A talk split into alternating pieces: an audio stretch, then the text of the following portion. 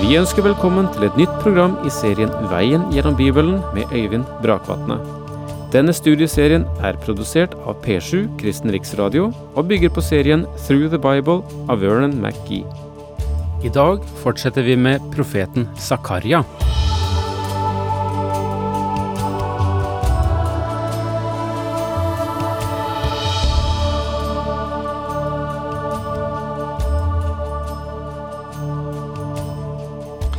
Zakaria-boken er en apokalyptisk bok.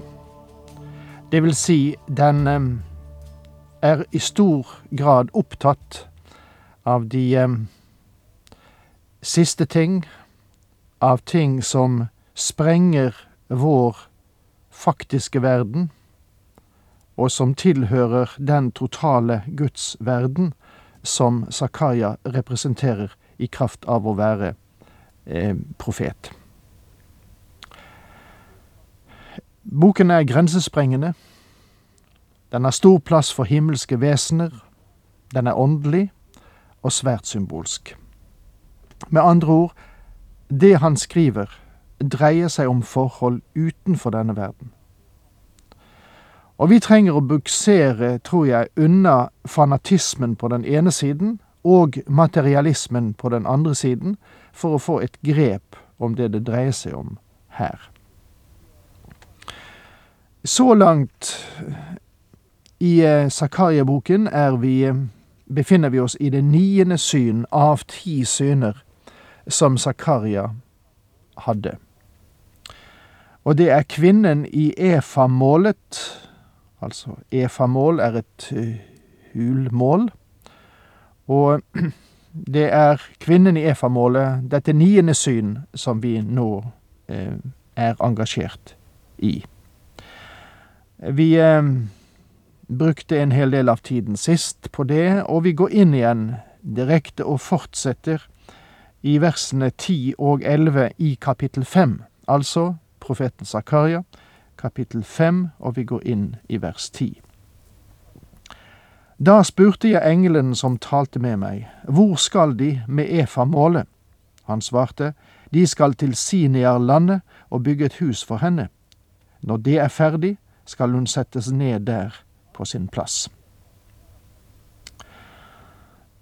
Altså, det som skjer her, er at Gud fører den gudløse og hjerteløse kommersialismen ut av landet. Og nå vil jeg vi skal feste oss ved noe her. Israelsfolket var opprinnelig et buskaps- og jordbruksfolk. Og det meste av Moseloven har å gjøre med denne livsstilen.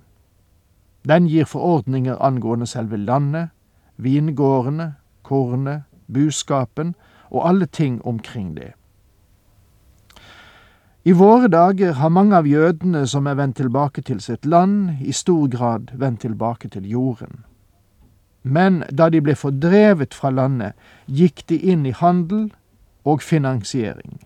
Delvis fordi jøder gjennom århundrene ikke fikk lov til å eie eller forpakte jord i de land de ble fordrevet til.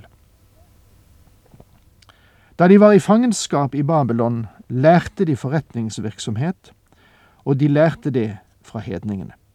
De ble gode forretningsmenn, og de økte sin kjærlighet til rikdom, som de så blant hedningene i Babylon.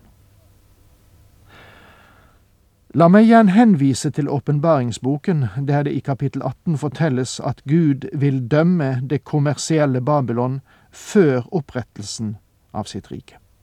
Faktisk vil han kvitte seg med det.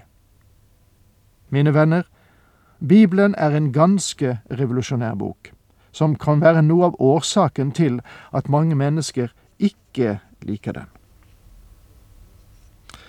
For jeg minner dere om at det sies en god del mer i Bibelen til fordel for det fattige mennesket enn for det rike.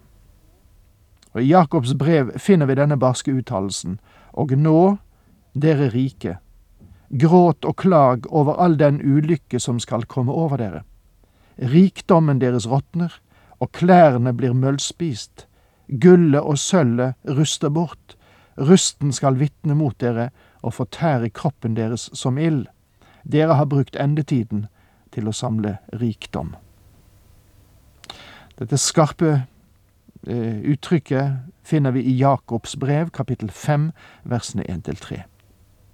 Han taler mot det å samle seg rikdom bare for å samle den.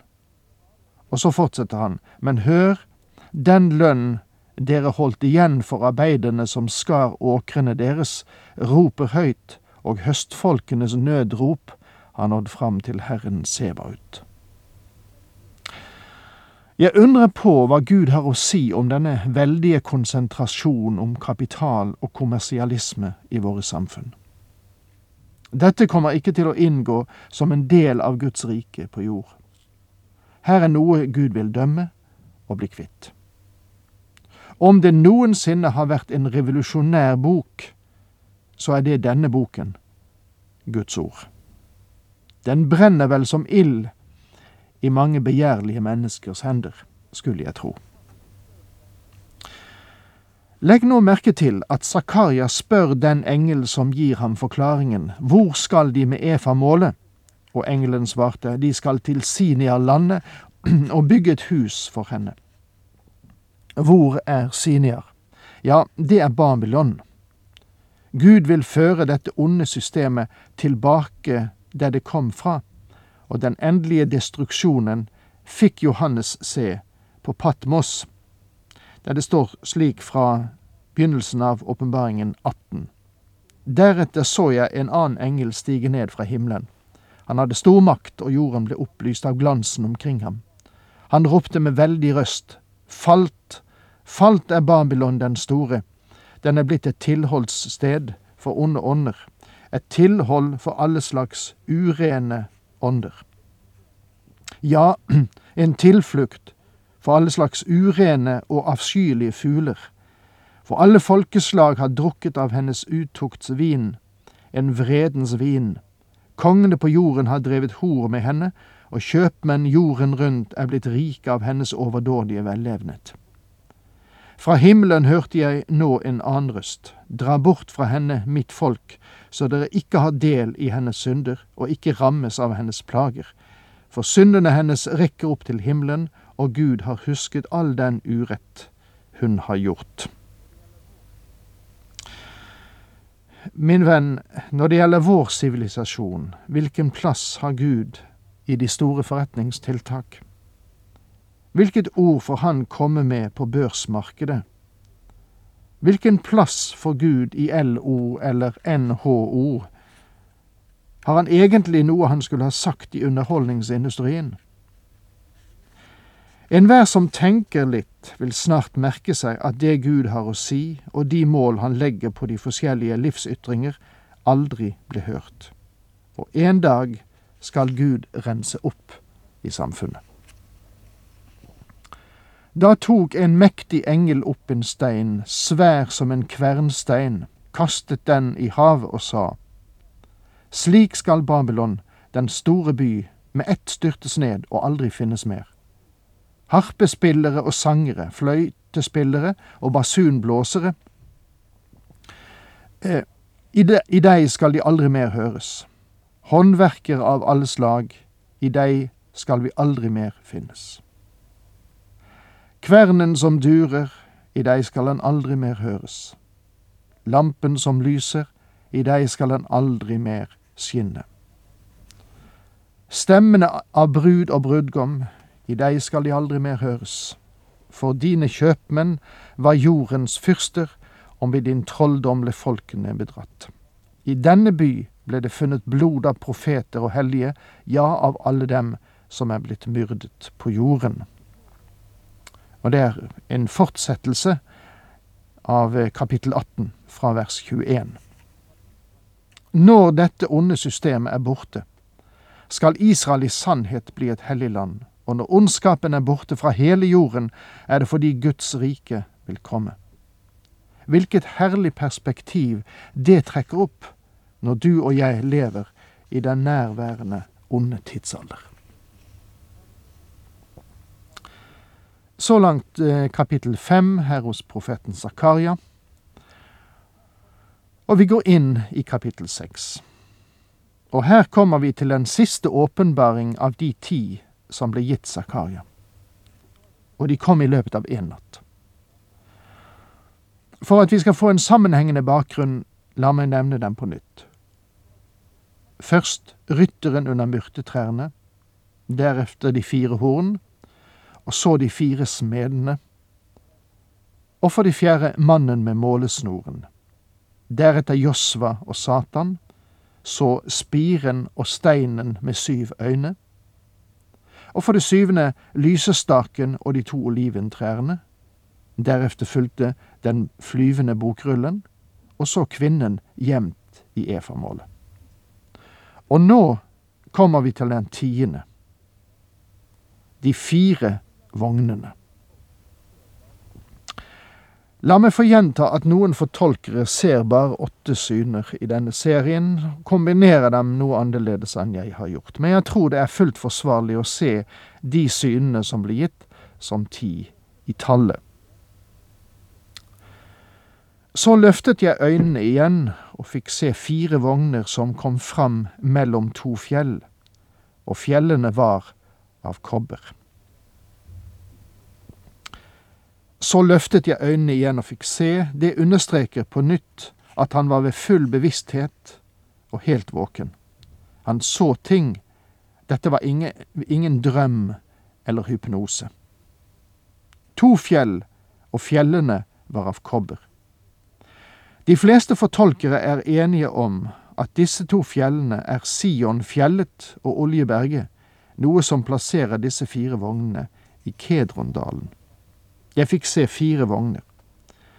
Vi må anta at det var hester forspent for vognene, og at det var noe som førte disse vognene. Og når vi leser videre, så vil vi se at det er sant.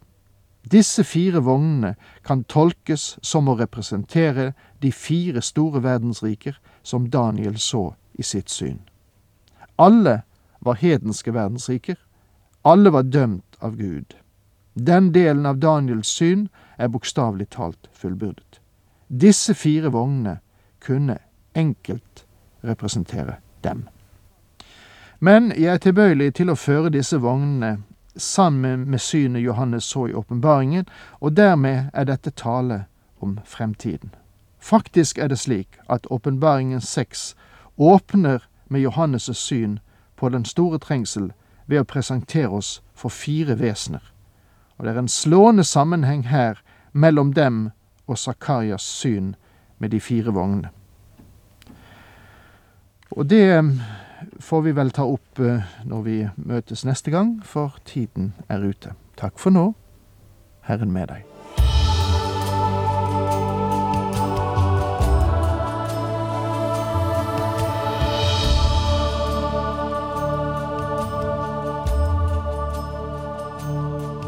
Du hørte Øyvind Brakvatne i studieserien Veien gjennom Bibelen. Serien bygger på et manus av Vern McGee. Har du spørsmål eller kommentarer til programmet, kan du sende en e-post til vgb krøllalfa p7.no. Takk for i dag, og på gjenhør.